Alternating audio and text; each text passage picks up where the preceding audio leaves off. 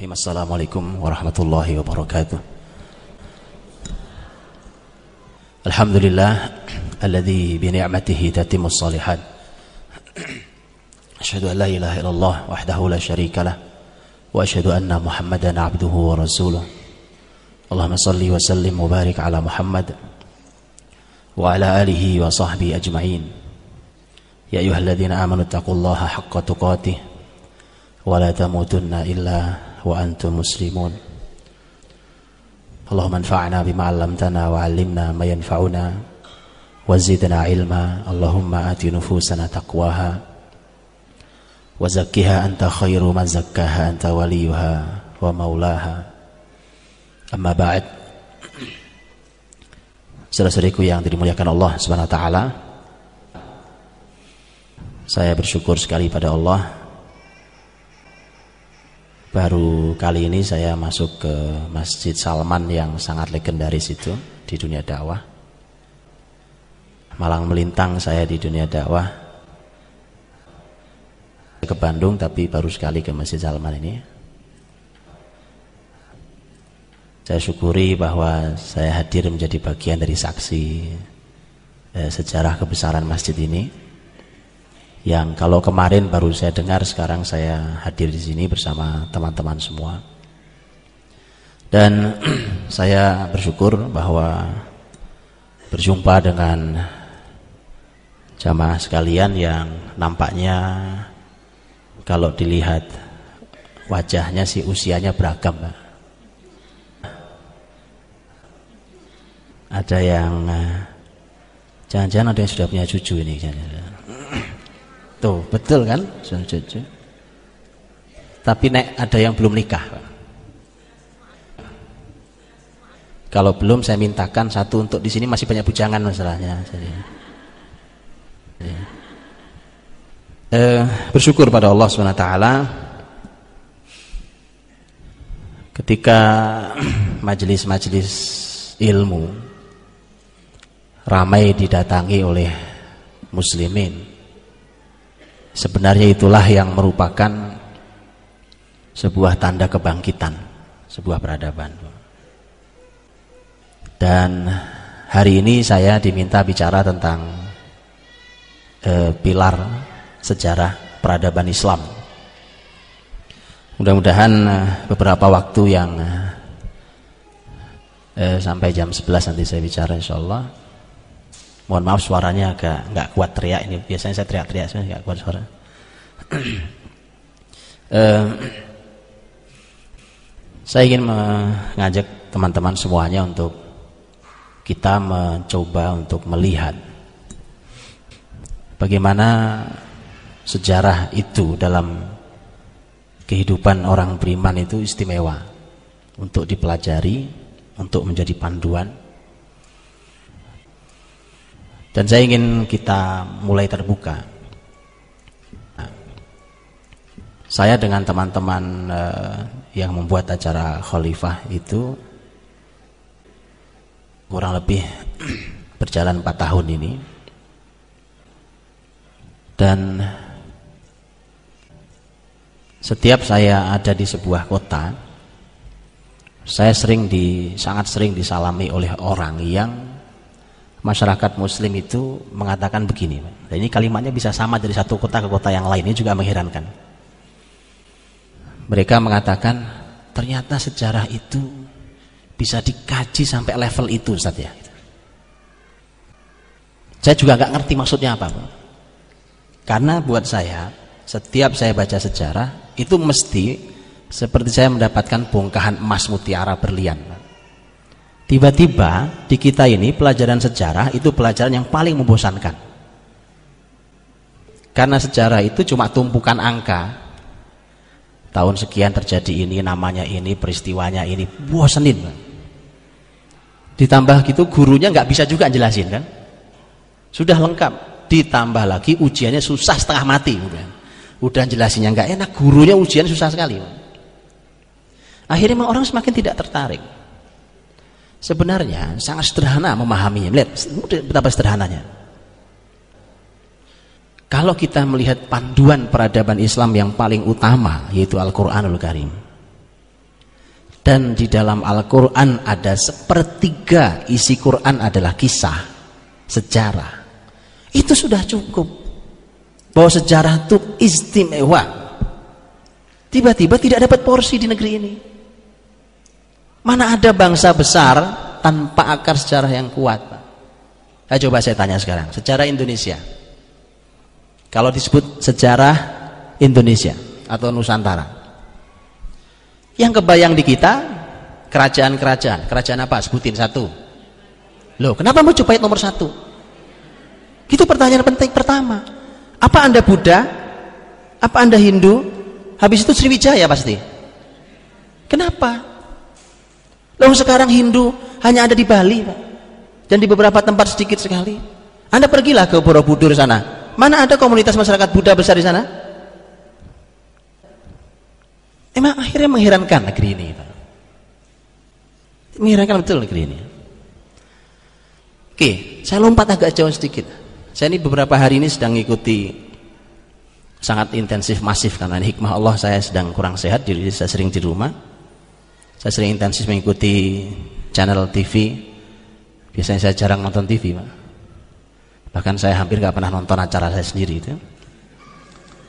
Jadi saya nggak tahu, saya dapat laporan begini begini, oh gitu ya, saya juga nggak tahu, saya gak tahu. Tapi saya ada hikmahnya nonton TV ini. Saya pindah-pindah channel dari Suria, Mesir, eh, Yaman, Qatar, Kuwait, Saudi itu channel saya pindah-pindah terus untuk itu. Ada yang menarik dari per, dari diskusi diskusi, perdebatan, berita yang sekarang di Timur Tengah sedang ramai. Saya sampaikan ya teman-teman ya. Menarik. Antum kebayang peta dunia ya? Minimal kebayang ya? Saya ngomong peta masalahnya nih. Enggak kebayang ya buka peta lah sekarang ya. Atau buka peta.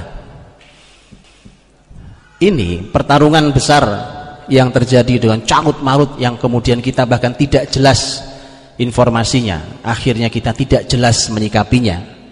Yang sangat disayangkan kalau orang-orang baik seperti antum ini kemudian juga ikut berkomentar dengan cara tidak jelas juga terhadap peristiwa yang terjadi di Syam di Suria dan sekitarnya atau di Irak gitu.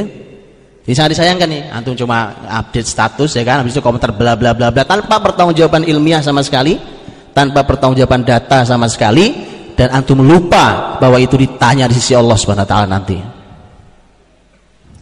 Main komentar, main acung jempol. Anda pikir acung jempol itu nggak ditanya di sisi Allah nanti, Pak? Betul lah. Itu menunjukkan Anda setuju tak? Kalau salah, berarti Anda setuju pada kemungkaran. Tanggung jawab di hadapan Allah. Iya betul ini. Gak sesederhana antum acung jempol di Facebook itu. Gak sederhana itu, teman-teman. Karena kita sudah jauh dari panduan Quran. Apa yang mau saya sampaikan? Di antara perdebatan yang sering dan ini mengarahnya, lihat mengarahnya. Peta Syam, Irak, bahkan sekarang masuk Jazirah Arab sampai di bawahnya adalah Yaman. Kebayangnya petanya kebayangnya atau nggak kebayang? Dulu berapa dulu nilai IPS-nya dulu berapa? Geografi ini kayak apa ya Kayak kebayang ya? Salam kebayang kebayang saya gambarkan aja ya kan? Malah ujung di Yaman sampai ribut-ribut di Yaman ya dengan masyarakat Houthi. Itu lihat itu. Apa yang sedang dibicarakan di Timur Tengah hari ini? Yang sedang dibicarakan adalah pertarungan. Lihat pertarungan.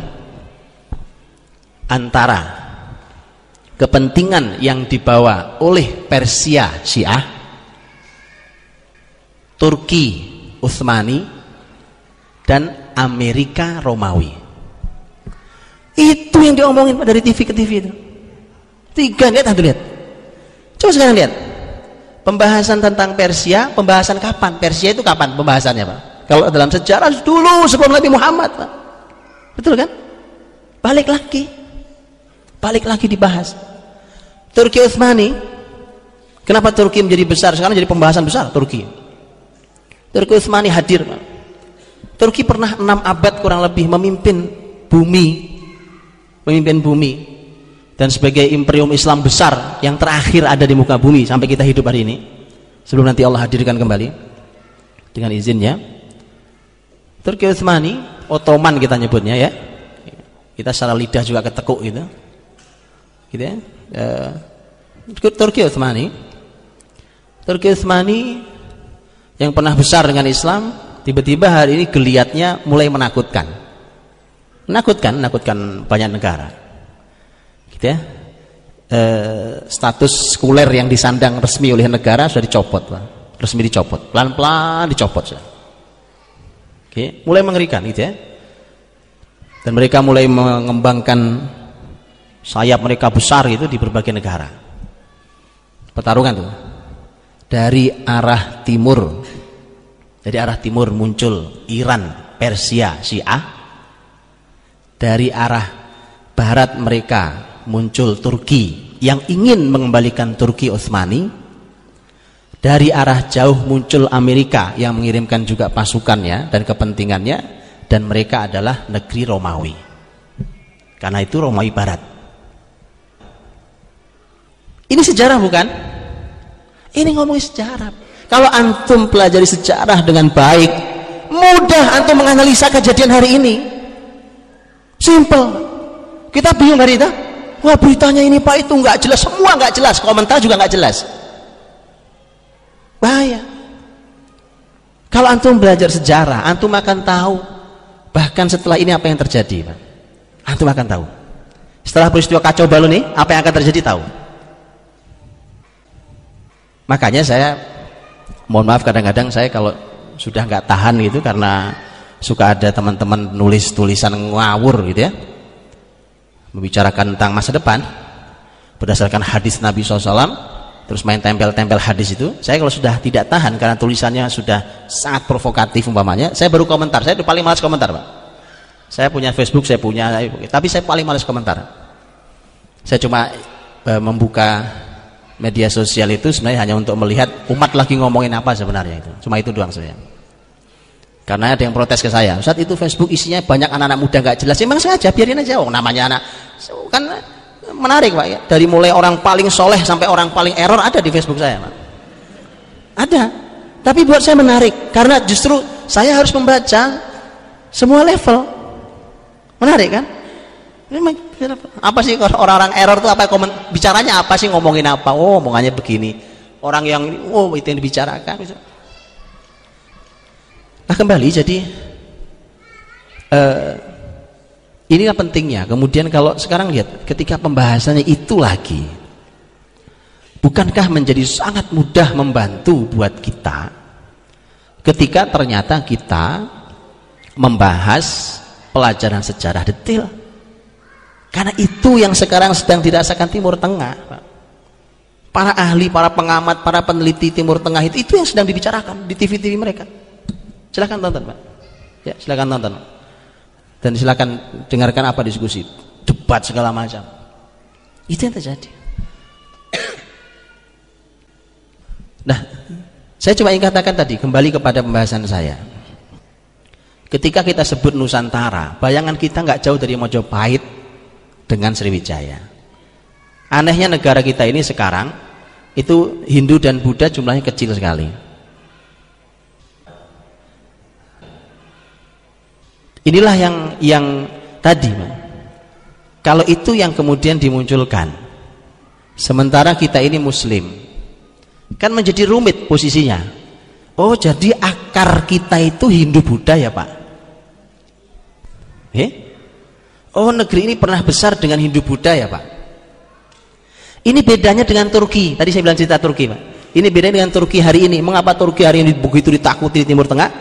Karena terakhir sekali peradaban muslimin itu ada di tangan mereka. Jadi mudah sekali mereka membangkitkan itu kembali. Oh masih hangat Pak. Kalau mereka tinggal di Turki mereka masih lihat desain bangunan masjid mereka tahu ada sejarah besarnya. Mereka melihat benteng Konstantinopel mereka tahu sejarah besar Turki di, di balik benteng itu.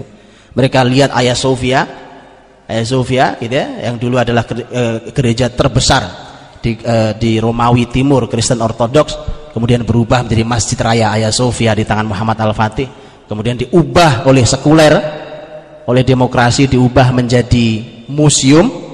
Kabarnya hari ini dikembalikan ke eh, Masjid Hagia Sophia jadi mereka setiap melewati gang saja mereka melewati sejarah kebesaran mereka. Coba antum muter-muter ke Bandung sini apa yang antum lewati? Itu masalah di kita Pak. Nggak jauh dari kuliner nggak jauh dari fashion. Habis kita dimakan oleh itu semua mereka setiap melewati gang lorong melewati tempat melihat gedung bangunan desain jembatan apa mereka ini sejarah kebesaran kami Pak. Kenapa mereka mudah bangkit itu sebabnya? Bagaimana kalau Bandung kita rombak ulang aja? Ada Pak Wali Kota nggak di sini? Nggak ada ya? Ya kita rombak ulang aja Pak. Biar bangkit Bandung. Dengan semua sejarah kebesaran Bandung. Bukan kuliner sejarahnya Bandung ini Pak ini ini negeri perjuangan kan ini bukan bukan sejarah fashion di sini apa yang tuh banggakan dengan itu semuanya mari kita tata ulang cara kita berpikir untuk sebuah kebangkitan karena dengan cara ini, dengan cara seperti hari ini, Pak, kita habis dimakan oleh peradaban Yahudi. Dr. Abdul Halim Uwais dalam bukunya beliau, beliau, menulis buku tentang uh, uh, dirasat di Sukul Thalathin Daulah Islamiyah. Uh, kajian terhadap keruntuhan 30 negara Islam. Zaman sejarah Islam dulu karena beliau seorang pakar sejarah Islam, beliau katakan panjang lebar beliau analisa dari mulai dinasti-dinasti Islam Bani Umayyah, Bani Abbasiyah, Andalus terus analisa mengapa bisa jatuh? Satu-satu dianalisa supaya kita belajar itu terulang. Jadi kalau mau tahu mengapa hari ini muslimin jatuh sepinter-pinternya ilmuwan negeri ini bahkan ITB sekalipun tidak menghadirkan kebesaran bagi Islam dan muslimin negeri ini itu baca buku itu Pak. kita akan tahu bahwa ternyata sejarah memang berulang Dulu mereka jatuh, kita ulangi lagi itu masalahnya. Ya jatuh lagi kita. Hari ini kita jatuh. Maka kan menjadi sangat mudah bukan ketika kita mengkaji mengapa, bagaimana caranya umat bisa bangkit. Itu banyak analisa ilmuwan. Kalau itu dihadirkan berarti umatnya akan bangkit. Um, berulang saja dia. Setelah panjang lebar beliau mengkaji di ujung bukunya beliau mengatakan dan akhirnya peradaban Islam ini ditutup lembaran bercahayanya oleh Yahudi. Turki Utsmani yang nutup siapa? Siapa yang nutup uh, Turki Utsmani? Siapa namanya? Mustafa Kamal. Orang Turki tidak suka menyebut Mustafa Kamal dengan Ataturk. Dulu saya bertemu dengan teman-teman teman-teman kuliah saya dan teman-teman Turki ketika kebiasaan lisan Indonesia menyebut Mustafa Kamal Ataturk kemudian dia marah ke saya dia bilang apa antum katakan bahwa kami Yahudi eh saya baru paham baru sadar oh iya ya Mustafa Kamal itu Yahudi donama yang membawa atas nama nasionalisme sekularisme kemudian ditutup. Sehingga anda tahu sejarah matinya Mustafa Kamal ya mati sengsaranya luar biasa saja sih. Nah Yahudi sampai kita duduk di Masjid Salman detik sekarang ini ini peradaban Yahudi. Sejak ditutup oleh Mustafa Kamal maka orang-orang beriman perlu belajar kembali secara kebesarannya dan perlu mengoreksi kembali semua ilmunya semua ilmunya. Oh, Anda wajib memberi tanda tanya, wajib. Semua ilmu, tidak terkecuali, semua ilmu. Tidak terkecuali. Anda punya keahlian apa pun, semua ilmu. Karena Quran mengapa panjang lebar bicara tentang Yahudi? Mengapa Allah mendahulukan Yahudi sebelum Nasrani dalam penyebutan dalam Quran? Walantar ankal Yahud baru Nasr. Ghairil maghdubi alaihim waladhalin Yahudi dulu baru Nasrani. Karena al-maghdubi alaihim karena Nabi SAW Yahudi. Ad-dhalin yang sesatu Nasrani. Bukalah Quran. Anda akan lihat mengapa Quran mendahulukan kata Yahudi. Padahal Yahudi dari secara awalnya sampai hari ini jumlah penduduk mereka populasi mereka tidak pernah besar Yahudi itu paling takut punya anak. Karena anak itu beban menyulitkan susah hidup dengan anak. Betul kan? Betul nggak bu? Anak rewel apa orang lagi tidur pusing-pusing anak bangun nangis begitu teriak-teriak nangis minta susu pula. Gitu kan? Saya mau tanya pak. Bukankah pemikiran itu ada di kepala kita hari ini? Kalau anak tuh nggak usah banyak-banyak, betul? Yahudi itu, Yahudi, bareng-bareng kita jadi Yahudi. Sekarang tanya, tadi saya ketemu bunda mana tadi? Saya di depan di salam ya oleh ibu tadi, bertemu assalamualaikum tadi. Anaknya tujuh. Masya Allah, seusia-usia beliau. Seusia-usia beliau, berapa putranya, Bu? Karena bertanya tentang putra saya, saya bilang putra putri saya baru empat orang kan. E, tanya ibu berapa? Tujuh. Hari ini pengecut semua kita. Iya Pak. Dua anak cukup, laki perempuan sama. Orang gila yang bilang. Saya mau maaf bahasa saya kasar Pak. Loh saya, saya mau nanya, laki perempuan sama itu apa enggak orang normal apa enggak normal Pak? Enggak laki perempuan sama itu normal apa enggak normal? Tunjukkan ke saya itu bu fisiknya nggak sama rasa hati orang tua nggak sama bukti gampang bu. Orang punya anak perempuan semua pengen dong punya anak laki satu aja. Orang punya anak laki semua pengen dong punya anak perempuan satu aja. Begitu punya anak laki perempuan alhamdulillah pak sudah lengkap. Beda pak. Nggak dari mana analisa laki perempuan sama. Quran bicara kal untha. Laki-laki tidak sama dengan perempuan. Quran bicara soal Al-Imran jadi kita ini kalau kita analisa ulang kita analisa ulang semua ilmu kita. Jangan-jangan itu kita yakini ternyata itu keyakinan Yahudi Pak. kita teriak-teriak takbir Allahu Akbar anti Yahudi. Ayo kita boikot Yahudi. Oh kita ini diri kita pemikirannya utuh Yahudi kok. Oh iya. Wah apa wong trompet masih laku keras kok kalau malam tahun baru? Mau apa gitu? Kita mau bicara apa? Anda mau takbir berapa kali? Anda mau takbir berapa kali ya kan makanya mari mari gitu kita lihat ulang kita kaji ulang kita pelajari ulang kita lihat cara pola hidup kita cara kita mendidik cara kita ber, berteknologi cara kita berpolitik cara kita berekonomi cara kita bermasyarakat keamanan Dr. Abdullah Halim sudah katakan dan akhirnya peradaban bersinar Islam ditutup oleh Yahudi ini peradaban Yahudi hari ini Pak Hei. Kalau saya mau tanya dengan semua yang carut marut, saya saya kasih contoh dulu deh, ya, saya kasih contoh dulu supaya supaya tambah pusing ya kan. Uh, ketika Allah Subhanahu wa taala berfirman tentang sekian banyak ciri khas Yahudi dalam Quran, betul? Quran sangat banyak bicara tentang ciri khas Yahudi, karakter Yahudi, uh, segala macam dan sayangnya itu semua sifat itu ada dalam diri saya, diri Bapak Ibu semuanya tanpa kita sadar kita terima itu ilmu, ya kan? Maka pelan-pelan juga kita hilangkan itu kita ilmui dulu gitu supaya kita tahu kita filter mana yang benar mana yang salah. Kita lihat. Salah satu ciri khas mereka adalah berbuat kerusakan. Berbuat kerusakan. Dan itu kalau bapak ibu mau lihat surat yang paling yang eh, eh sangat spesifik membahas tentang Yahudi. Bagaimana Yahudi berhasil dikalahkan. Hari ini kan kita bicara bagaimana mengalahkan Yahudi gitu kalau Anda ingin tahu bagaimana Yahudi dikalahkan, Anda cukup baca surat Al-Hasyr. Surat ke-59. Abdullah bin Abbas radhiyallahu anhu, sahabat pakar tafsir. Beliau mengatakan bahwa surat ini adalah surat yang disebut dengan surat An-Nadir. An-Nadir itu Yahudi Bani Nadir. Dulu di Madinah zaman Nabi, Yahudi itu berkelompok-kelompok, salah satu kelompok besar Yahudi adalah Yahudi Bani Nadir peristiwa pengusiran Yahudi Bani Nadir bagaimana mereka yang kuat bentengnya kuat persenjataannya ternyata bisa dikalahkan dengan mudah oleh Rasul dan sahabat Allah abadikan di surat Al-Hasyr. Di situ detailnya Pak. Di situ tiga, tiga kelompok dibahas. Sebenarnya ada empat sebenarnya tapi yang manusianya ada tiga karena satunya setan Pak. Yang satu adalah Yahudi sendiri yang kedua Muhajirin Ansor yang ketiga munafik.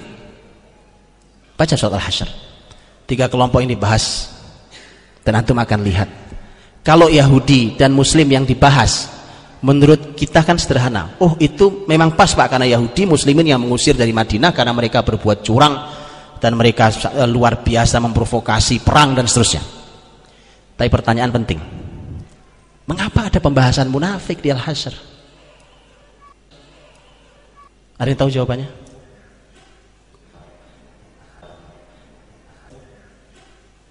Apa hubungannya dengan Yahudi dan Muslimin, Bu? Kan pembahasannya adalah ini surat yang berbicara tentang Yahudi dan bagaimana mereka bisa dikalahkan. Gitu kan? Subhanallahi ma fis samawati wa ma fil ardi wa huwal azizul hakim. Huwa alladhi akhrajal ladzina kafaru min ahlil kitabi min diyarihim li awwalil hasyr. Dialah Allah yang telah berhasil tadi mengusir mereka dengan pengepungan yang terjadi itu dari ahlul kitab Yahudi. Ini Yahudi Bani Nadir.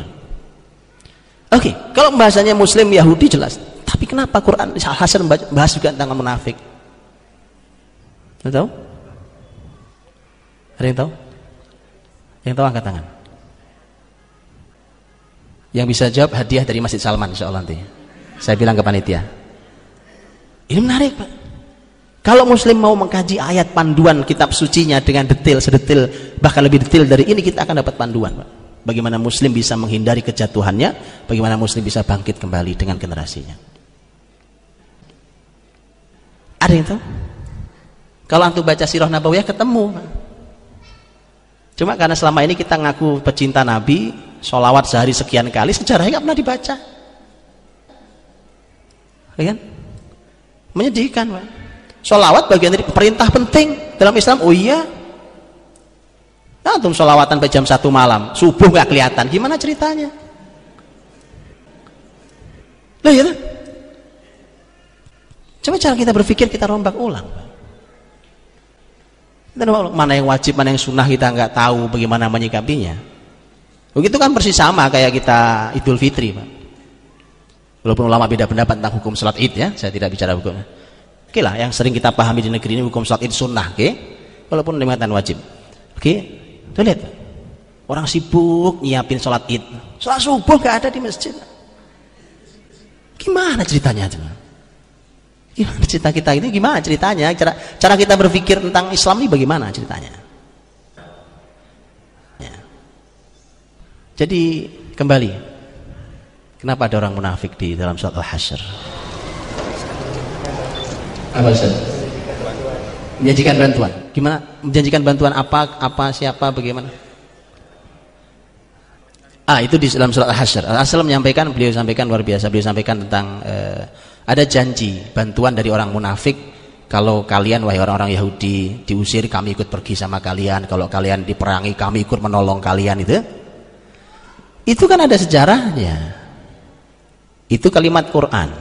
Dan dibalik itu ada sejarahnya karena tokoh munafik Abdullah bin Ubay itu itu yang membuat orang-orang Yahudi Bani Nadir yang sebenarnya sudah diancam oleh Nabi untuk segera meninggalkan Madinah dalam waktu hanya satu minggu dikasih waktu.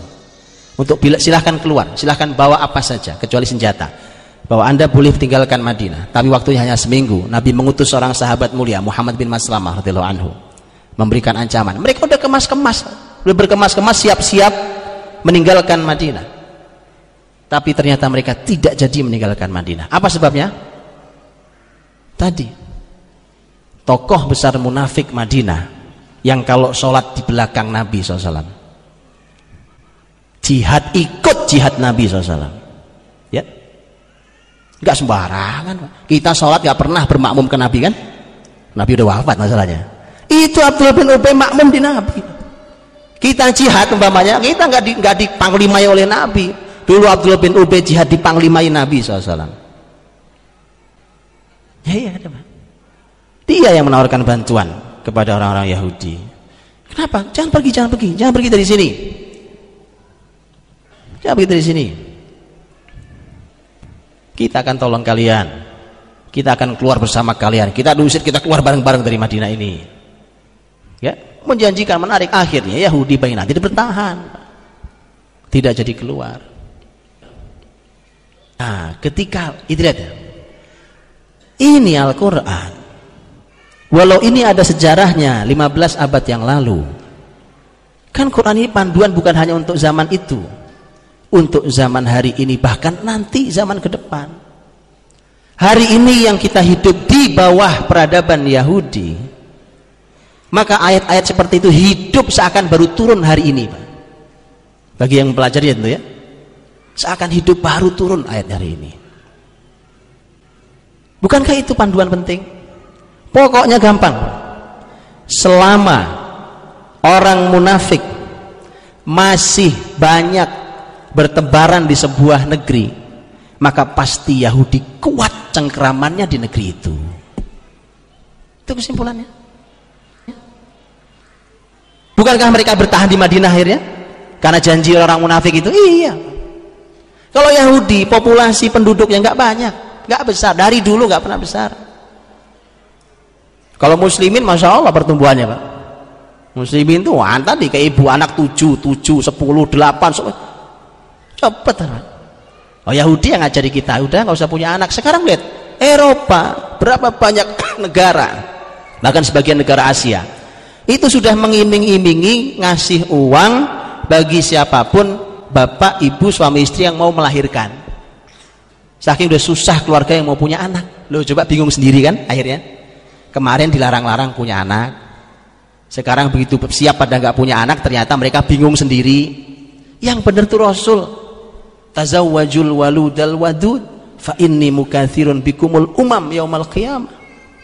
Nikahilah wanita yang banyak melimpah kasih sayangnya yang melimpah anaknya ya? karena aku kelak akan berbanyak-banyakan dengan umat nanti di hari kiamat itu Nabi Nabi SAW maka dari itu Bapak Allah dengan itulah maka kita bisa belajar dari sana. Begitu Yahudi dalam Al-Quran digambarkan kerusakan yang mereka timbulkan bareng dengan munafik. Nanti baca surat munafikun. Kalau hasyar juz 28, al-munafikun juz 28 betul? Baca. Nanti ketemu tuh. Ini memang sinkron nih berdua-dua nih. Pas memang. Dan selama munafik di tubuh muslimin masih banyak, Yahudi akan selalu kuat mencengkram di negeri itu.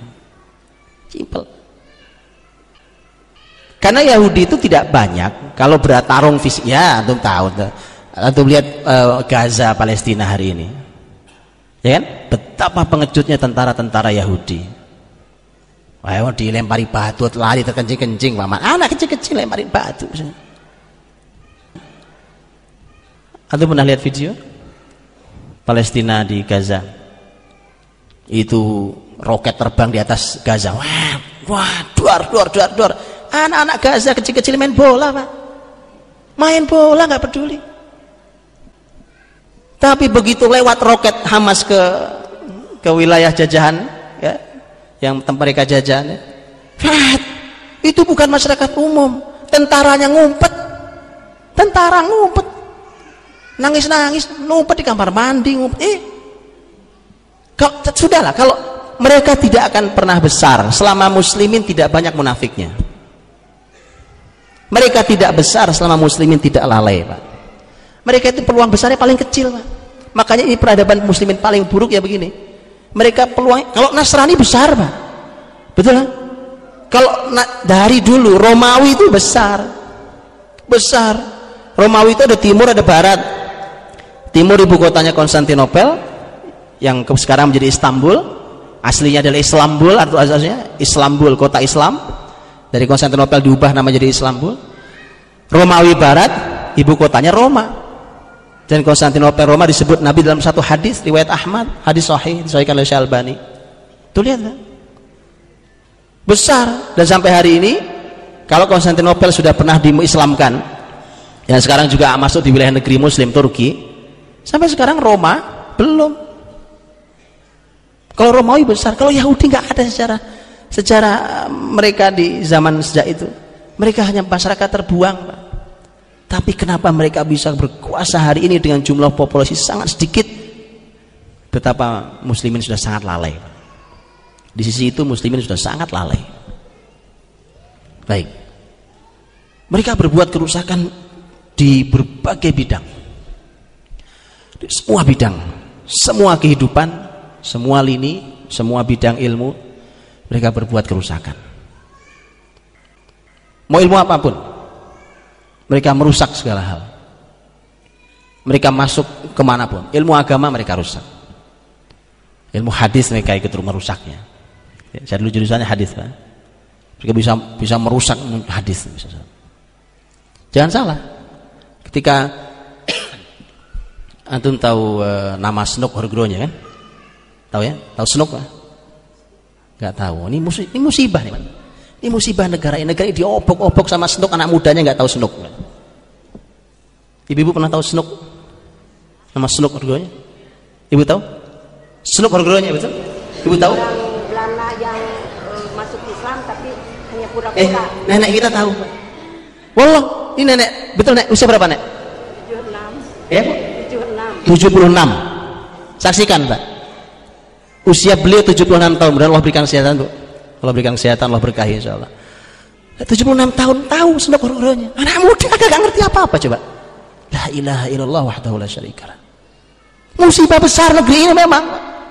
Kita tidak pernah tahu akarnya. Senok itu pernah di Indonesia menghancurkan wilayah pertahanan terakhir muslimin yaitu Aceh. Tidak tahu kita Senok itu. Snok itu mendapatkan ucapan terima kasih karena dia profesor di Universitas Leiden di Belanda. Di dalam buku Al-Mu'jam Al-Mufahros di Al-Fadil Hadith. Bukunya 8 jilid tebel-tebel panjang-panjang bukunya segini nggak lazim bukunya. Itu buku yang membuat adalah orang-orang orientalis di Belanda di Universitas Leiden yang dipimpin oleh Profesor Dr. Winsing dan di Mukotimah dia mengucapkan terima kasih pada Snook Orgronya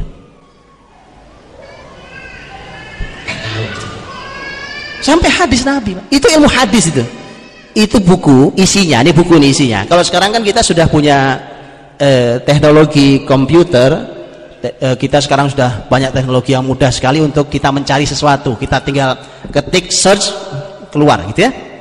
Dulu tidak begitu. Umpamanya ketemu hadis begini.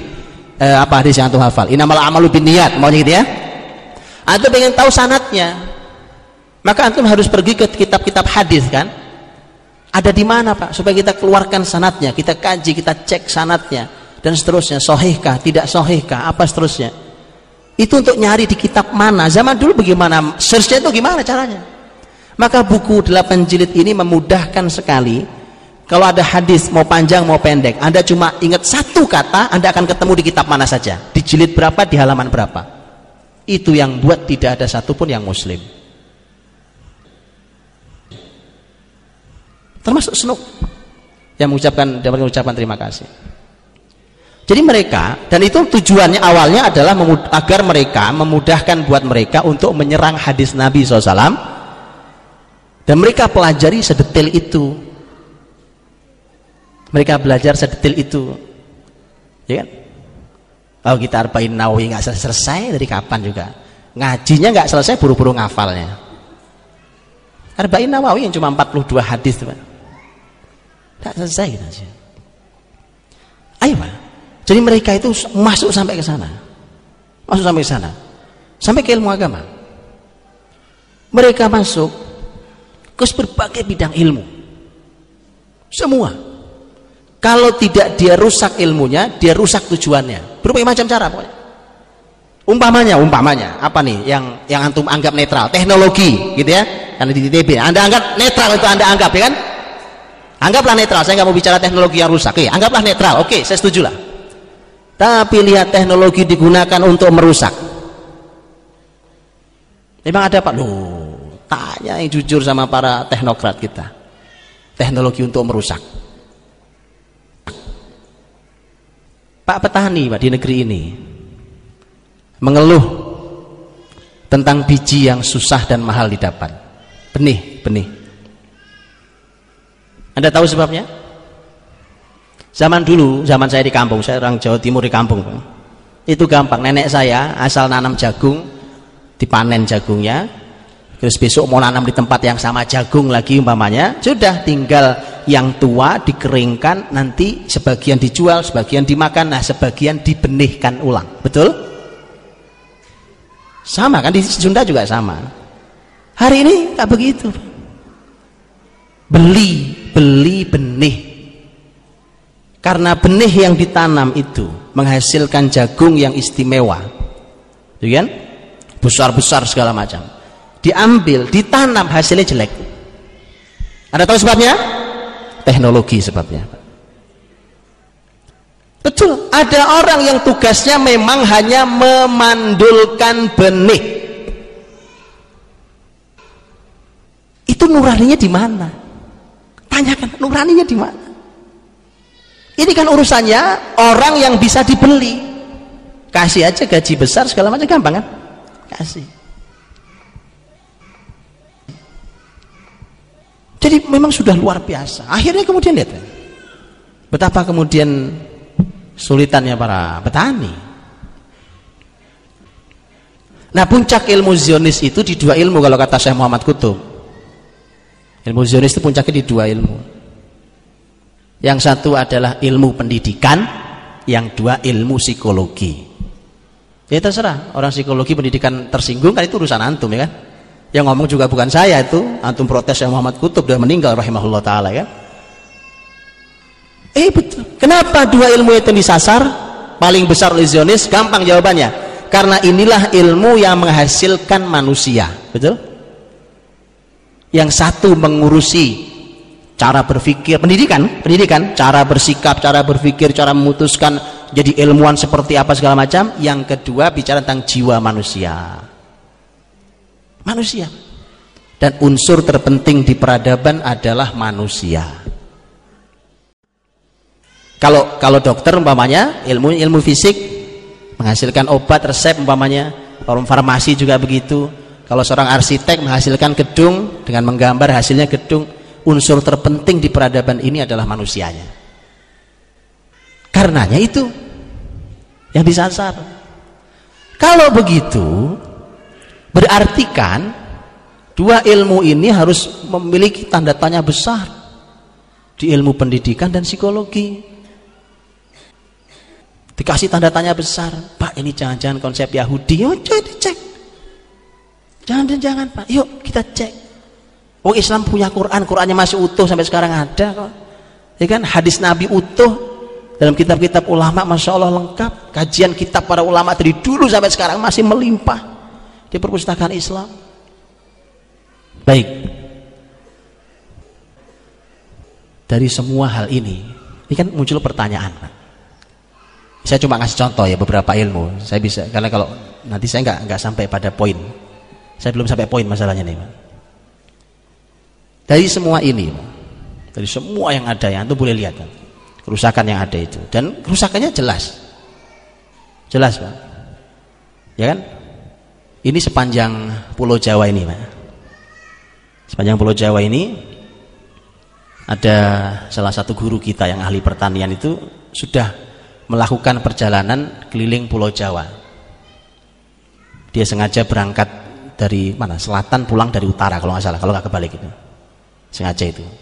Dan sengaja berhenti di beberapa kota hanya untuk mengetes kadar tanah. Berhenti terus dicek tanahnya. Kesimpulannya sederhana, tanah Pulau Jawa itu sudah mati. Makanya makin hari para petani bukannya makin melimpah hasilnya, tetapi tanahnya sama, mungkin sama-sama 1000 meter satu hektar gitu ya makin hari hasil makin berkurang tetapi biayanya makin mahal. Karena pupuk karena apa segala macam itu. Kerusakan sudah sampai di bumi ini. Bumi ini rusak. Di atas bumi ini lapis ozon juga rusak ya kan? Fisik manusia ini aneh. Sekarang mau tanya saya sejak tahun berapa antum mendengar kata autis Nek, pernah dengar autis nggak ada zaman nenek dulu? Autis, orang sakit, anak autis gitu? Tahun berapa bu? Nek, dengar autis pertama? Zaman nenek ada dulu nggak? Nggak ada, nggak ada, nggak ada. Ulo saya loh pak, zaman saya autis saya nggak pernah dengar. Saya ingat betul, belum lama, belum uh, Mungkin saya zaman saya kuliah masih kuliah, ditanya oleh di oleh pengajian begini, Ustaz Budi, Nabi itu dulu autis apa enggak ya? Loh saya itu waktu itu Pak pertama kali dengar kata autis waktu itu. Sampai saya bilang autis itu apa ya? Terus dia jelaskan karena saya nggak tahu apakah saya yang memahaminya nggak bagus, saya nggak ngerti penjelasan beliau ini yang nggak ngerti saya. Akhirnya saya nggak bisa jawab, saya cuma bilang gini gini gini, asal autis itu baik pasti Nabi baik. Oh nggak bisa jawab saya ya kan? Karena saya nggak tahu autis itu apa, jadi saya nggak bisa. Belakangan baru tahu. Dan autis itu ternyata penyakit muncul belakangan. Kerusakan, Pak. Kerusakan. Quran tepat ketika mengatakan wa idza tawalla sa'a fil ardi liyufsida fiha wa yuhlikal harta wan nasl wallahu la yuhibbul fasad kalau mereka bertebaran di muka bumi itu mereka hanya berbuat kerusakan mereka hancurkan keturunan dan ladang dan keturunan. Tanah kita makin hari makin mati nasab makin hancur. Orang lahir banyak sekali cacat Allah lindungi kita. Lahir cacat. Nggak ada zaman-zaman dulu aneh-aneh lahir aneh-aneh gitu nggak ada. Saya tanyakan sekarang ke rumah sakit. Tidak tahu saya kalau di Bandung sini tanyakan prosentase ibu yang lahir normal dengan ibu yang lahir sesar. Gedean mana? Oh salah kalau gitu berarti kita ini Allah lahirkan teknologi sesar kan belakangan betul? Zaman dulu Alhamdulillah nggak ada sesar lahir normal betul nek? Normal. Lahir tujuh ceprah ceprot aja selesai gak ada masalah. Belum sempat mulus lahir coba bayangkan kan? Iya loh nenek saya tuh nenek saya pak. Anaknya sebelas. Sebelas nenek saya dari ibu tuh sebelas anaknya. Awet muda masya Allah lahir udah meninggal rahimahullah. Jadi subhanallah. Gak, gak ada sesar sesar ini zaman rusak. Sampai kita dirusak makanan kita dirusak apa? Tanya orang-orang ahli nutrisi di sini Pak. betapa orang kasihan Pak. Saya punya tetangga dokter. Waktu ngobrol dengan beliau beliau bilang saya ini Ustaz kalau masuk ke mall itu bingung mau beli apa. Karena di dokter Pak. Ini susahnya orang berilmu yang Pak. Gitu. dan kalau kita kan makan makan aja kan wah, ini yang kasihan yang punya ilmu nih Pak. ini racun itu racun ini racun ini racun. Nah, makanya saya kalau masuk mall bingung saat mau beli apa? Itu orang berilmu saya bilang enak saya tidak punya ilmu saya makan aja kan? Ya. makanya ini subhanallah ya kan? Kerusakan ini sudah luar biasa. Sawah ladang mereka hancurkan dan keturunan mereka hancurkan. Bukan cuma manusia binatang pun juga dirusak Pak. nasab binatang itu udah makin gak jelas. Betul kan? Nasab binatang kayaknya loh saya tunjukkan nasab binatang makin gak jelas. Ayam tuh makannya apa? Enggak antum kan ilmuwan nih. Ayam itu binatang herbivora atau binatang omnivora atau binatang karnivora? Jelas ah? Dan sekarang sudah tidak. Betul nggak? Loh anda lihat ayam makan pur pur ya? Anda tahu bahannya pur apa? Ada yang ahli peternakan di sini? Eh, tanyakan kali peternakan nanti biar dijelaskan oleh beliau. Sudah berubah. Dulu memang ayam makan tumbuh-tumbuhan. Sekarang ayam makan tulang, makan darah. Itu betul. Ya kan kambing, sapi itu dulu memang dulu herbivora dulu. Eh, kalau manusia nggak berubah, dari dulu memang pemakan segala, ya kan? Oh iya apa aja, mak bedanya ada, makin ke sini makin rakus. Semen dimakan, aspal disikat, ya itu memang itu. Minyak diminum, bensin semua disikat. Itu tambah rakus saja kalau bedanya. Tapi sama pemakan segala ya kan. Baik. Saya tinggal punya waktu setengah jam untuk saya mau memaparkan sejarah ini bagaimana coba antum bisa membaca sejarah dengan baik. Ya. Tadi saya sudah katakan kan bahwa antum mau bicara apalah sampai detik sekarang ini pembicaraan orang nggak jauh Persia, Romawi, kebesaran Islam, nggak jauh dari itu pembahasannya Pak. Sampai detik ini. Sayang kalau antum tidak bisa memetakan hari ini dan antum tidak tahu ke depan mau ngapain. Nah, kan ketika kerusakan luar biasa itu, kalau dimunculkan satu pertanyaan, dari mana mulai memperbaikinya? masing-masing punya teori ya kan orang pendidikan bilang pendidikan orang agama bilang agama orang teknokrat bilang teknologi pak ilmuwan bilang ini gara-gara kita tidak kuasai ilmu pengetahuan. Yang satu bilang apa satu bilang apa. Yuk kita satukan pak. Kita satukan. Karena Persia Romawi yang merusak itu zaman sebelum Nabi juga mereka yang merusak mereka juga yang merusak hari ini balik lagi ya mereka juga lagi. Ya tuh enak bacanya pak. Lu yang rusak sama nih kan pola pikir mereka sama. Bukankah cara memperbaikinya sama? Nah iya. Biar kita debat ya kan? Nanti ilmuwan beda dengan ini teknokrat beda politisi ekonom beda lagi ahli agama beda. Yuk kita lihat sekarang.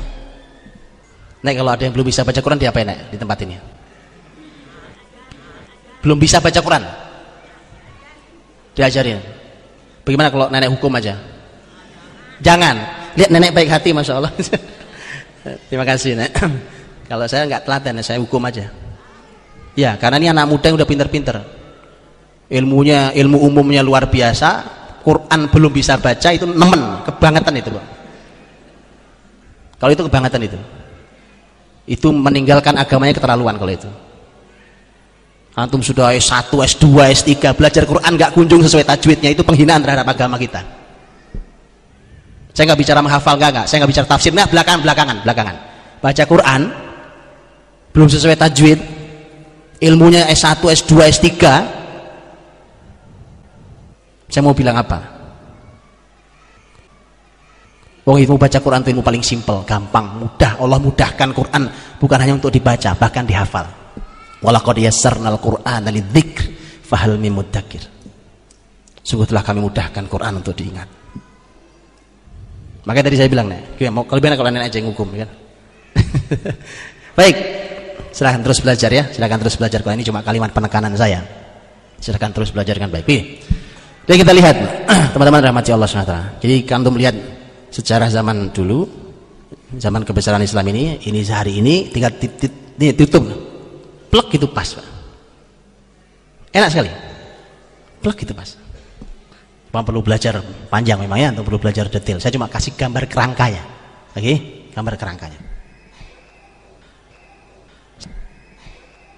saya ingin mulai dari mana ya enaknya ini deh saya ingin mulai dari Nabi SAW ada di Gua Hiro sebelum terima wahyu oke okay? Pertanyaan saya, Nabi ngapain di Gua Hiro? Gua Hiro itu bu, sepi. Zaman itu loh. Oh sekarang aja silahkan naik sepi banget. Iya, asal sudah mulai sore gitu, udah Pak dijamin Anda lari turun. Enggak, enggak, sepi kan. Itu naik kurang lebih perlu naik mendaki kurang lebih naik setengah jam ya. Saya kalau mendaki kurang lebih setengah jam lah mendaki itu. Itu sepi zaman itu lagi, sepi luar biasa Gak ada kehidupan seorang diri di Gua Hiro. Pertanyaan saya ngapain ke Gua Hiro? Apa yang mendorong beliau sampai harus duduk di Gua Hiro yang sepi itu? Ada yang tahu? Karena ini menjawab semuanya. Ada tahu apa sebabnya? Mengapa Nabi naik ke tempat sepi yang gak ada orang menyeramkan itu? Dan bukti menyeramkannya ada Bukankah ketika nerima wahyu dipeluk Jibril Nabi gemeteran badannya betul? Pulang tuh masih gemeteran, padahal pulang dari dari Gua Hiro sampai pulang ke rumahnya jalan kakinya lumayan jauh itu sampai rumah masih gemeteran. Zammiluni zammiluni. Selimuti aku selimuti aku. Gemeteran. Emang nggak gampang? Terus ngapain ke sana? Itu pertanyaan. Mengapa dia ke sana? Untuk mendekatkan diri mengenangkan itu menenangkan diri mau ngapain nek? Ya untuk mencari apa Tuhan gitu. Tuhan. Mencari Tuhan? Enggak ini kalimat menarik dari beliau, lihat. Bukan apa mencari Tuhan begini ya, tapi untuk mendekatkan diri. Mendekatkan diri pada Allah. Mana, uh, Betul, Nek. Begini, ini luar biasa. Terima kasih, Nek. Lihat. Aisyah radhiyallahu anha menyampaikan kisah ini di di hadis di awal-awal hadis Sahih Bukhari ya membicarakan tentang masalah wahyu diterima dan Aisyah mengatakan bahwa Nabi SAW itu tahannus dan tahannus itu adalah ya ta'abbad iddat layali beribadah beberapa malam itu kalimat nenek tadi mencari Tuhan mendekatkan diri pada Tuhan ya. E, memangnya kalau kalau kalau Muhammad SAW ada di sekitar Ka'bah emang nggak bisa naik beribadah? Saya tak dialog menenek aja ya kamu antum dengerin aja. Wong senuk nggak tahu enek mana ya, karena kalau di Ka'bah kan Ka'bah masih dikuasai orang Nah, jadi kalau di Mekah dikuasai sama orang-orang musyrik, Kan bisa aja nah itu ada Ka'bah, Ka'bahnya kan ada nih, walaupun banyak patung, kan Nabi sholat juga di situ. Emang kenapa harus jauh-jauh pergi? Nah? Waktu itu mah kan belum belum uh, apa patung-patungnya itu masih ada. Ya, masih ada jadi nggak bisa. Nggak bisa. Tapi kalau di sana kan sendirian. Sendiri. Jadi tenang.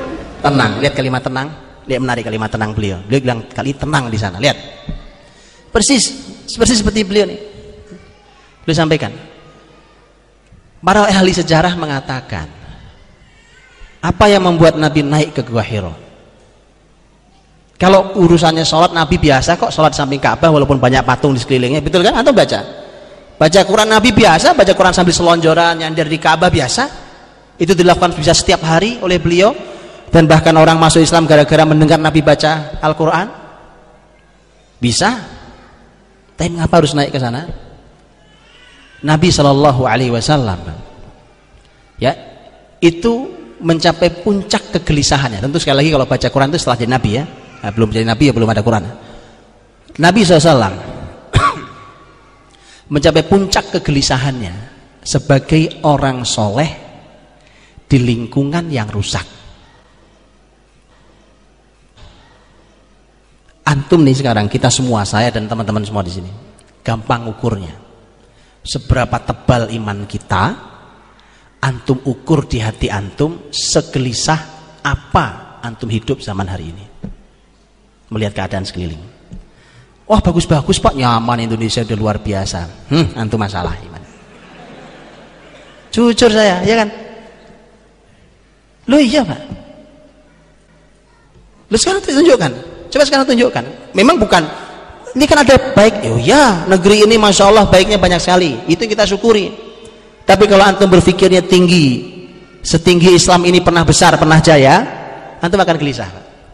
Pasti gelisah kecuali mikirnya ya alhamdulillah pak udah pada sholat lima waktu itu bagus bagus tapi sholat itu adalah ibadah awal dia batas antara kafir dan muslim aja tuh level level namanya batas tau batas batas ini pembatas ini. Ke bawah sudah kafir naik sedikit muslim. Sholat itu kan Nabi mengatakan faman tarokaha fakot kafar. Yang meninggalkan sholat sungguh telah kafir kan gitu. Ini batas. Al-ahdu bainana wa bainal kufri as-salat. Yang memberi menjadi batas antara kita dan kekafiran salat Nabi bilang. Ya baru level situ. Padahal terus bertingkat naik kan ya, syariat ini. Sampai Nabi sebutkan tentang puncak ajaran Islam. Dan seterusnya. Jadi kegelisahan kegundahan Nabi Shallallahu Alaihi Wasallam yang luar biasa. Sebagai orang soleh sebagai penganut al-hanifiyah agama Hanif Ibrahim yang sangat langka saat itu diikuti oleh sedikit segelintir orang di tengah lingkungan yang rusak dan mereka masih merasa mengikuti agama Ibrahim padahal sudah rusak nah kalau ada orang orang soleh begitu pak gelisah gitu lihat Nabi mencari jawaban padahal yang rusak saat itu bukan cuma Mekah Kan Nabi di Mekah, Pak. Bukan cuma Mekah, bumi saat itu rusak. Bukankah sama dengan hari ini? Ah, tinggal dikaplek. Plek ketemu, Pak, sejarah itu. Rusak. Dan sistem dan kerusakan itu sistemik. Karena kerusakan itu secara sistem dipimpin oleh Persia dan Romawi. Gitu? Kenapa Quran sampai ada harus ada surat Ar-Rum? Betul ada surat Ar-Rum? Apa arti Ar-Rum? Lo ngapain Quran sampai ngurusi Romawi? Wong ini Muslim Pak bukan Romawi. Betul kan? Alif Lam Mim ghulibatir Rum fi adnal ardi wa hum min ba'di ghalabihim sayaghlibun fi bid'i sinin dan seterusnya. Alif Lam Mim Romawi dikalahkan. Tapi setelah Romawi dikalahkan, Romawi akan menang di sebuah tempat yang rendah dalam hitungan 3 sampai 9 tahun. Quran bicara. Dan gara-gara itu Abu Bakar menang ramalan, eh menang menang taruhan. Waktu itu taruhan masih belum dilarang. Menang taruhan. Karena orang-orang Mekah selalu mendukung Persia. Kalau tarung perang Persia Romawi itu timur barat sama, timur barat dari dulu juga sama. Persia di timur gitu kan kalau ukurannya. Timur barat perang Romawi di barat Begitu perang yang menang selalu Persia dan orang Quraisy senang kalau yang menang Persia. Ternyata dikabari oleh Quran bahwa Romawi akan segera menang dalam hitungan 3 sampai 9 tahun. Fi bid'i sinin. Abu Bakar karena percaya wahyu dia tantangin tuh orang-orang Quraisy eh, kita taruhan. Romawi akan menang ah, enggak enggak. Romawi enggak pernah menang lawan Persia. Saya mau nanya kenapa kenapa orang Quraisy lebih dekat lebih senang ke Persia? Sama-sama enggak punya kitab. Sama-sama enggak punya agama ya? Lah orang Arab enggak nyambung dengan kitab. Yang punya Alkitab itu Romawi. Nasrani Yahudi itu Romawi. Nah Persia itu agamanya Mbah Api itu Majusi itu Nah, makanya para ulama mengatakan at-tuyur ala ashkali taqa. Burung itu akan hinggap dengan yang sejenis. Kan? Nah, gampang ukur kita juga gampang. Kalau bahasa Nabi SAW lebih jelas. Ar-rajulu ala dini khalilihi falyanzur ahadukum man yukhalil. Seseorang itu akan akrab tergantung eh, seseorang itu akan eh, tergantung dengan agama teman akrabnya. Maka lihatlah dengan siapa dia akrab. Gampang ukurnya, ya kan? Antum berteman sama siapa itu antum pasti misal semisal sudah. Sudah. Akrab ya, bukan sekedar berteman. Karena kalau orang sekedar berteman segala macam loh, kita harus berteman dengan siapa pun karena bahkan kita diminta untuk mengajak orang lain untuk kita dakwai mereka, betul? Tetapi ini dengan siapa Anda akrab? Baik. Hadis itulah maka Quran bicara tentang Romawi. Dan itu pertarungan Romawi Persia sebenarnya. Saat itu Nabi Muhammad belum punya kekuatan, masih dakwah-dakwah awal. nah, ketika itulah maka kita tahu Mekah itu memang terpisah dari Persia Romawi, tapi Persia Romawi itulah yang memimpin bumi saat itu untuk mengajari kemungkaran, mengajari kejahiliahan. Quran menyebut dengan istilah al-jahiliyah itu istilah Qurani. Al-jahiliyah, mereka al-jahiliyah itu yang mereka ajarkan di semua bidang kehidupan, semua. Sama kayak ini, plek sama lagi kan? Sama sih. Dan ternyata orang baik seperti Muhammad SAW, kegelisahan beliau mengantarkan beliau sampai ke Gua Hiro. Ini ceritanya orang baik, ya, orang baik yang tahu ini nggak benar, tapi dia tidak juga tidak tahu. Terus yang benar itu yang bagaimana? Nah, karena zaman itu orang-orang baik yang mau mengikuti agama Ibrahim itu sudah tidak ketemu panduannya sudah nggak ketemu panduannya seperti yang disampaikan oleh Zaid bin Amr orang yang lebih senior dari Nabi SAW gitu ya. Bapaknya Said bin Zaid sahabat mulia radhiyallahu Zaid bin Amr itu sampai ke Syam untuk nyari agama Ibrahim. Jawaban para pembesar bahkan dia pernah ketemu dengan seorang rahib yang ini ilmu tertinggi agama Nasrani di Syam. Jawaban dia yang kamu cari agama Ibrahim itu hari ini sudah tidak ada yang bisa menjelaskan ke kamu karena para ahlinya sudah meninggal semua. Sama tuh Nabi bilang sama. Eh, perginya ilmu itu dengan perginya ahli ilmunya. Makanya kalau tidak ada kaderisasi masalah. Saat kalau kita beruntung Quran ini Allah jaga itu bedanya. Kalau zaman dulu tidak. Inna nahnu dzikra wa inna lahafizun. Kami yang turunkan Al-Quran kami pula yang jaganya. Itu enak kalau Quran kita tetapi zaman itu hilang. Jadi mereka itu tahu ini salah ini. Cara mengukur salah itu kan gampang, Pak. Orang itu punya nurani. Orang itu asal nuraninya bersih. Nabi minta istafti kolbak. Mintalah fatwa pada hatimu. Itu hati yang ber, yang jernih ya. Hati ini mesti nolak, Pak. Nabi katakan al ismu al kadhibu riba. Dusta, dusta, bohong. Itu menimbulkan keraguan dalam hati orang bohong itu Pak. Itu orangnya sebenarnya ragu dalam hatinya. Begitu. Karena itulah maka tidak mudah buat orang-orang yang suka bohong itu menyimpan kebohongannya. Nggak mudah Pak. Begitu ditekan diinterogasi gitu nggak lama ngaku karena orang ragu. Beda dengan keyakinan. Iman. Iman itu keyakinan. Tertancap kuat ya pegang. Nah inilah yang yang tadi Nabi katakan bahwa mintalah fatwa pada hatimu itu ternyata minta fatwa pada hati yang jernih itu itu gampang ukurnya. Kalim, ini kalimatnya Zaid bin Amr tadi yang saya katakan. Zaid bin Amr itu sebelum Nabi Muhammad ya lebih senior dari Nabi Muhammad. Uh, dan Zaid bin Amr itu sama orang-orang Mekah. Itu ketika melihat masyarakat Mekah rame-rame pada motong binatang untuk patung. Mereka duduk khusyuk di samping patung. Bahasanya iktikaf Loh, itu bahasa Quran loh. Ini bahasa Quran, Pak. Maka ini kan nanti Ramadan sebentar lagi. Semoga Allah berikan kita umur sampai Ramadan ya. Kita berjumpai Ramadan lagi yang indah itu. Jangan kalah sama orang musyrik, Pak. Orang musyrik itu iktikaf berlama-lama di samping patungnya. Betul, dan itu kalimat Quran. Lihat Quran mengatakan dan dua-duanya menggunakan istilah istilah iktikaf, dua-duanya ada di Quran.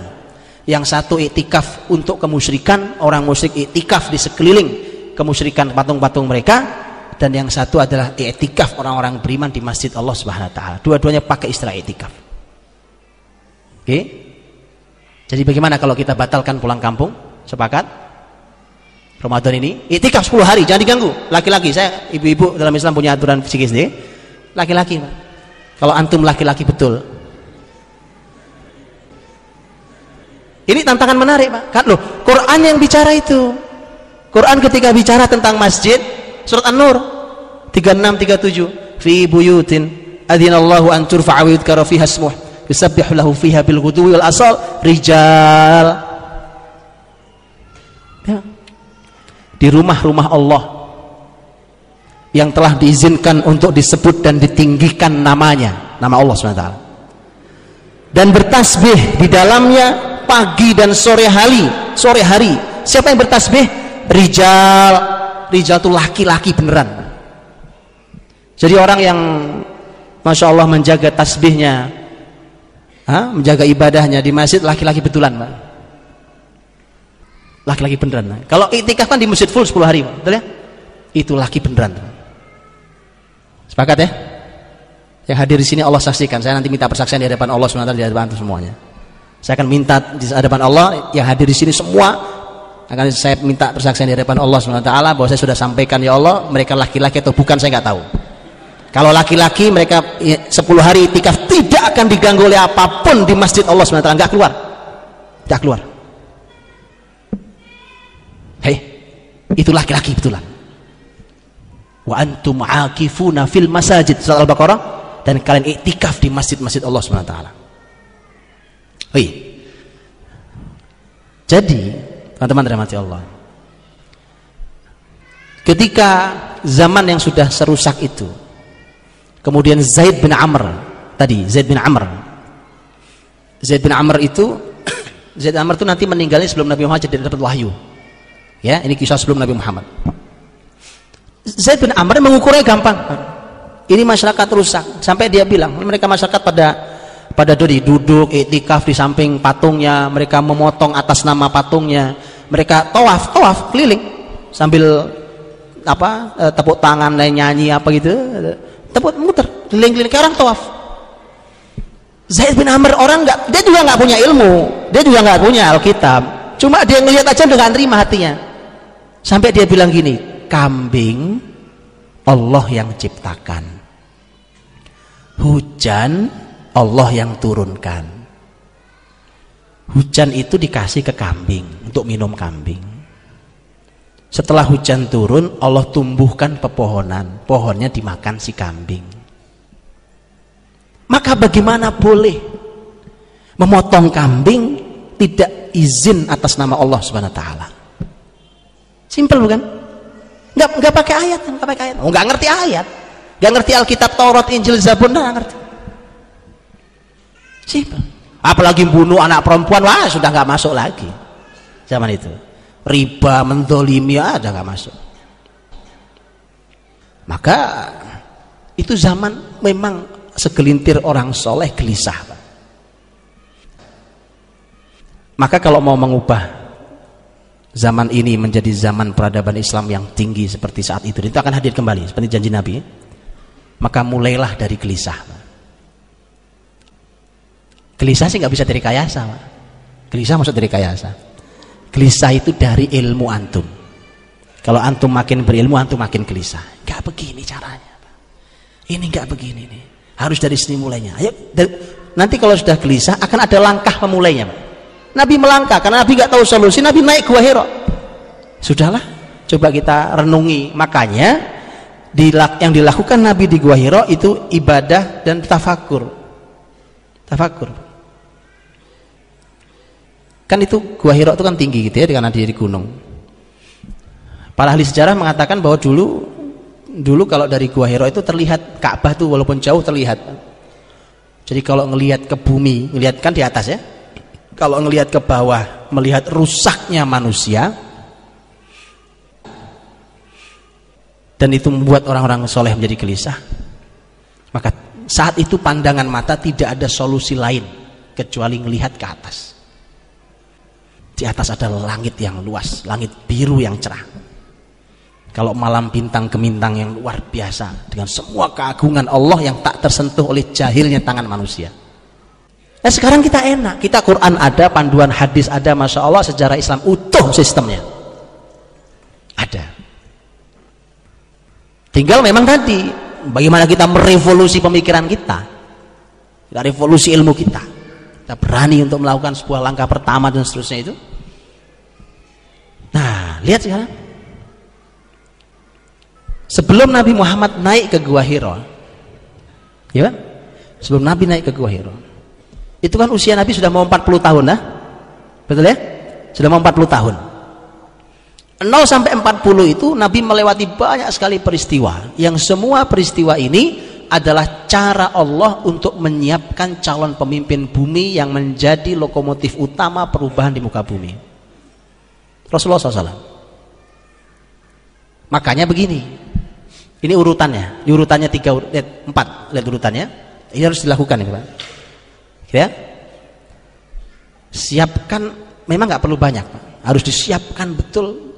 Siapa nih orang-orang yang siap mengubahnya? Siapkan betul. Dan menyiapkannya tidak dengan cara biasa, ya dengan cara biasa ya.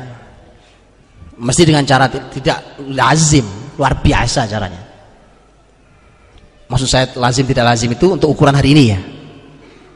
Kalau kita mengikuti pola hari ini ya begini-begini aja kan Islam. Yang begini sudah. Harus berani berani keluar dari semua yang ada hari ini untuk menyiapkan diri. Kalau kita ikuti pola hari ini sekolah Pak TK, SD, SMP, SMA, S1, S2, S3 ya begitu aja Islam. Seperti hari ini kan sama begini juga kita sama kalau pola yang sama nggak akan hasil yang nggak masih hasil sama. Makanya harus ada yang pola yang berubah. Di samping jalan ini silahkan jalani, tapi harus harus ada sebuah keberanian untuk untuk berani mengambil menyiapkan diri. Jadi menyiapkan oh itu, menyiapkan siapa orangnya. Dan itu nggak perlu banyak teman-teman, nggak perlu banyak. Oh, ini udah banyak banget ini. Ini masya Allah ini. Kalau Bandung nggak baik, kena Bandung rugi. Lihat, lihat penuh tempat masya Allah, barakallah. Sampai belakang sampai di luar. Ini mah sudah sudah masya Allah banyaknya. Anda tahu untuk membuka Madinah Yathrib yang diubah nama menjadi Madinah Nabawiyah itu perlu enam orang. Enam orang. Pak. Anda tahu mengawali Mekah berapa orang? Nabi dakwah pertama Mekah. Siapa yang cuma Nabi, istrinya Khadijah sama anak-anaknya ya? Betul kan? Ditambah uh, sahabat baik beliau, teman baik beliau, Abu Bakar radhiyallahu anhu. Ya, ada putra angkat beliau Zaid bin Haritha, betul? Ada ponakan eh, eh, maaf, sepupu beliau yang dididik di rumah beliau Ali bin Abi Thalib. Berapa? Hampir sama jumlahnya, Pak. Tapi memang kualitasnya kualitas mereka. Itu masalahnya. Saya nggak perlu banyak untuk Bandung. Oke? Okay? Saya pernah berikan tantangan di Bandung ini sebenarnya. Tapi nggak ada yang menyambut. Saya nggak perlu banyak, betulan. Tidak perlu banyak, tapi dia hanya perlu waktu yang sabar untuk membangun itu. Karena Nabi SAW mengajari kita itu. Allah hanya perlu siapkan satu nabinya di awal. Betul? Nah ini satu nabinya. Begitu Nabi naik ke Gua Hiro, Allah kasih apa? Allah kasih alat, Allah kasih teknologi, Allah kasih tim, Allah kasih malaikat atau Allah kasih apa? Yang Allah berikan ke nabinya adalah panduannya, Al-Quran. Jadi panduannya. Kita punya dua panduan, ada Quran kita, ada hadis kita. Ini ada orangnya panduan. Begitu Nabi turun dari Gua Hiro dan beliau tahu bahwa beliau Nabi. Apa yang beliau lakukan? Nabi mendakwai orang-orang, betul? Dapat tim. Nah, itu tiga, Pak. Yang tadi saya bilang nggak perlu banyak tim itu. Di awal nggak perlu banyak. Oh kalau banyak itu rapat aja makin susah pak. rapat 10 orang. Enak kan rapat sama 10 orang daripada 50 orang betul kan? Berantem aja wacana aja. Hasilnya habis itu selesai rapat ya udah nggak ada nggak action juga nggak ada ya kan? Rapat dengan bertiga jadi tiga orang. Siap untuk mengubah sebuah kota. Itu? Lihat pak. Tim Nabi dapat lima enam Nabi telateni Madinah gitu Nabi ketemu enam anak muda enam cuma enam. Pertama enam tahun depan Nabi ketambahan tujuh orang jadi tiga belas orang. Cukup bayat akobah satu. Tahun berikutnya nambah lagi total 75 73 laki-laki dua perempuan bayat akobah dua. Nabi melihat pertumbuhan yang luar biasa itu kata Nabi innalakum ikhwanan wadaron tak manu nabiha sudah waktunya kalian pindah. Karena kalian sekarang sudah punya ikhwan sudah punya saudara-saudara seperjuangan dan kalian sudah punya negeri di mana kalian aman di sana. Hijrah ke Madinah. Dan Madinah jadi ibu kota peradaban Islam. Dari tadinya kota yang tidak dilirik orang sama sekali. Dapat tim kan? Begitu dapat tim pelan. Naik makin banyak jumlahnya segala macam kualitas makin naik segala macam ya harus seiring sejalan ya antara kualitas dan jumlah naik ya memang tidak mudah tapi dia harus dilakukan setelah itu Nabi memerlukan negeri innalakum ikhwanan wadaron dar negeri Perlu. Perlu. Saya gini, sebagai penutup. Saya tanya coba ini. Kalau kita mau nanya, Pak, kita ini sebenarnya ingin membuat pasar transportasi atau apa pun yang islami. Tapi belajarnya di mana ya, Pak? Ke mana antum belajarnya? Di kota mana di negeri ini? Bingung tuh? Karena belum ada prototipenya, belum ada potretnya belum ada. Maka Nabi perlu Madinah.